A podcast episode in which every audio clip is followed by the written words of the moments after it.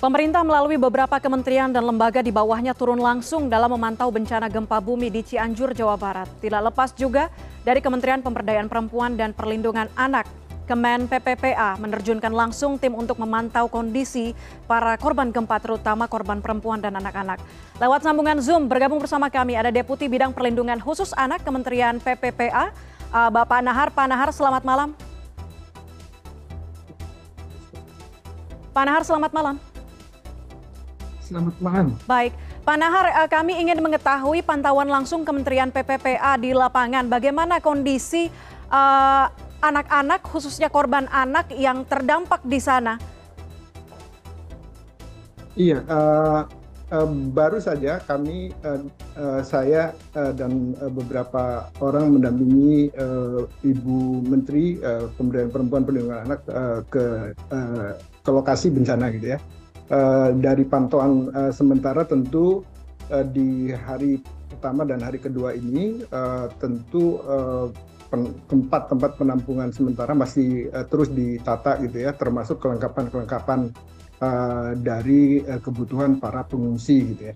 Lalu kemudian juga tentu kondisi anak-anak di lokasi-lokasi yang masih sulit dijangkau ini menjadi tantangan juga dan uh, kementerian lembaga dan pihak-pihak uh, yang uh, punya tugas untuk melakukan upaya di tahap awal ini juga terus menembus beberapa titik itu. Sehingga kita berharap bahwa kondisi anak-anak di semua wilayah bencana ini bisa dilakukan uh, pertolongan lalu kemudian uh, pendampingan dan uh, kemudian kita berharap bahwa uh, hak uh, dasarnya bisa tetap uh, dipenuhi sehingga kita berharap bahwa anak-anak uh, menghadapi uh, bencana ini uh, dalam kondisi yang uh, terjaga dan terdampingi uh, untuk menghindari dampak-dampak uh, buruk dari uh, uh, situasi yang tidak menguntungkan bagi anak-anak di wilayah bencana.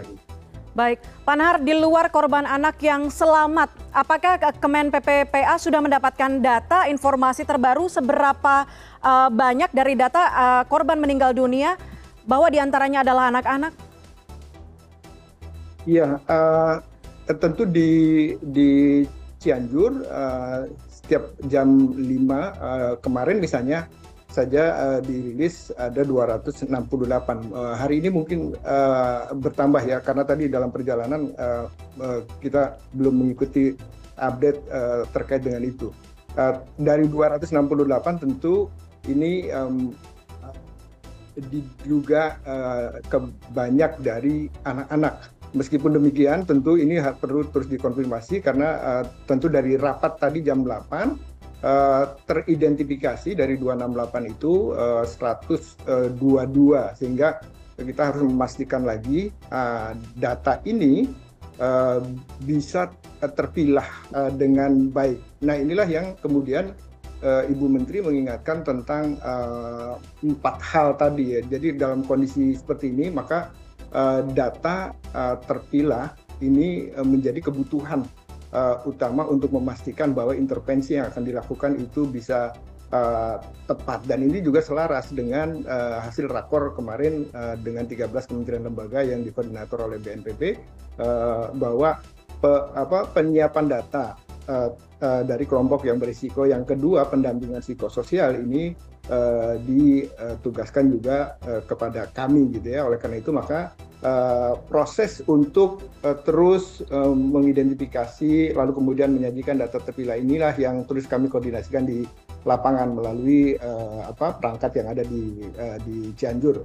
Lalu kemudian upaya-upaya pendampingan psikososial ini juga Eh, dengan berbagai mitra tadi Pak Newan juga sudah menegaskan bahwa uh, kementerian lembaga titik-titik yang memungkinkan dilakukan pendampingan psikososial khususnya bagi anak ini juga terus dikembangkan.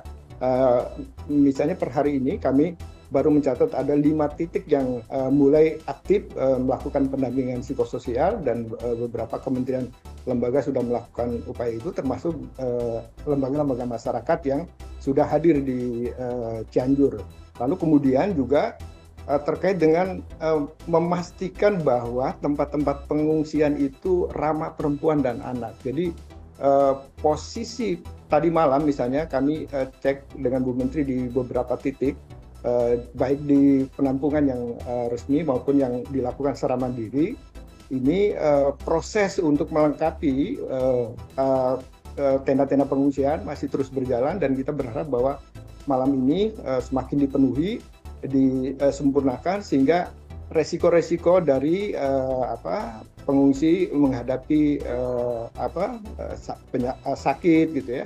Lalu kemudian dari resiko-resiko lain bisa kita antisipasi bisa kita cegah sehingga kita berharap bahwa dalam proses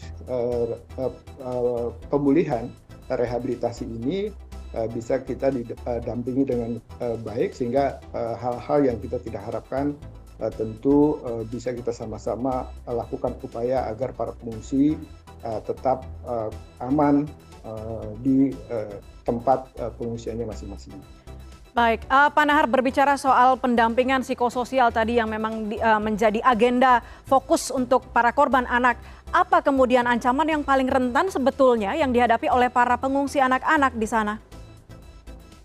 Iya, uh, kelengkapan tentang eh, ya kelengkapan dan melalui instrumen yang uh, sudah disiapkan oleh negara melalui peraturan perundang-undangan yang ada misalnya dalam peraturan pemerintah nomor 78 tahun 2021 tentu proses pasca kejadian bencana gitu ya alam maupun non alam gitu ya maupun sosial ini yang yang yang pertama adalah memastikan bahwa mencegah situasi yang lebih buruk dihadapi oleh para pengungsi khususnya anak-anak gitu ya mm-hmm. khususnya misalnya mencegah agar anak tidak menjadi korban dalam situasi darurat gitu ya korban itu misalnya uh, uh, distribusi bantuan yang telat gitu ya lalu kemudian mengancam uh, anak lalu kemudian uh, memastikan bahwa anak ini misalnya uh, tidur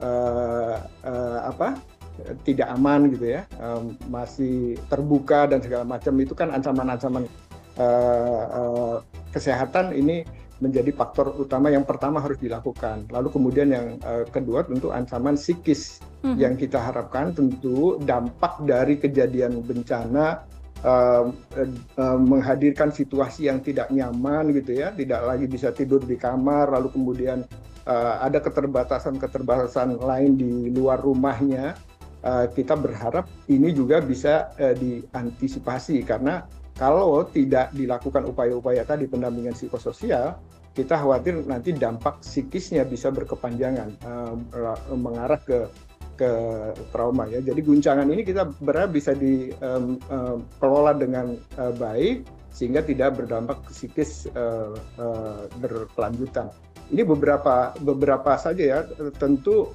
uh, ada kebutuhan-kebutuhan lain yang uh, di, perlu diwaspadai karena biasanya dalam situasi uh, pasca bencana uh, juga pemenuhan kebutuhan dasar yang dan spesifik ini juga uh, menjadi tantangan bagi uh, para anu ya aktivis penanggulangan bencana para pendamping di uh, lapangan. Contoh misalnya uh, kami misalnya dengan BNPB kemudian melihat misalnya ada ada situasi di mana anak di tenda itu juga terus berusaha untuk tetap belajar, tetapi misalnya posisi belajarnya lampunya gelap, lalu kemudian duduknya misalnya di meja yang membuat misalnya posisi tubuh dan lain-lain uh, anu akan berpengaruh gitu ya.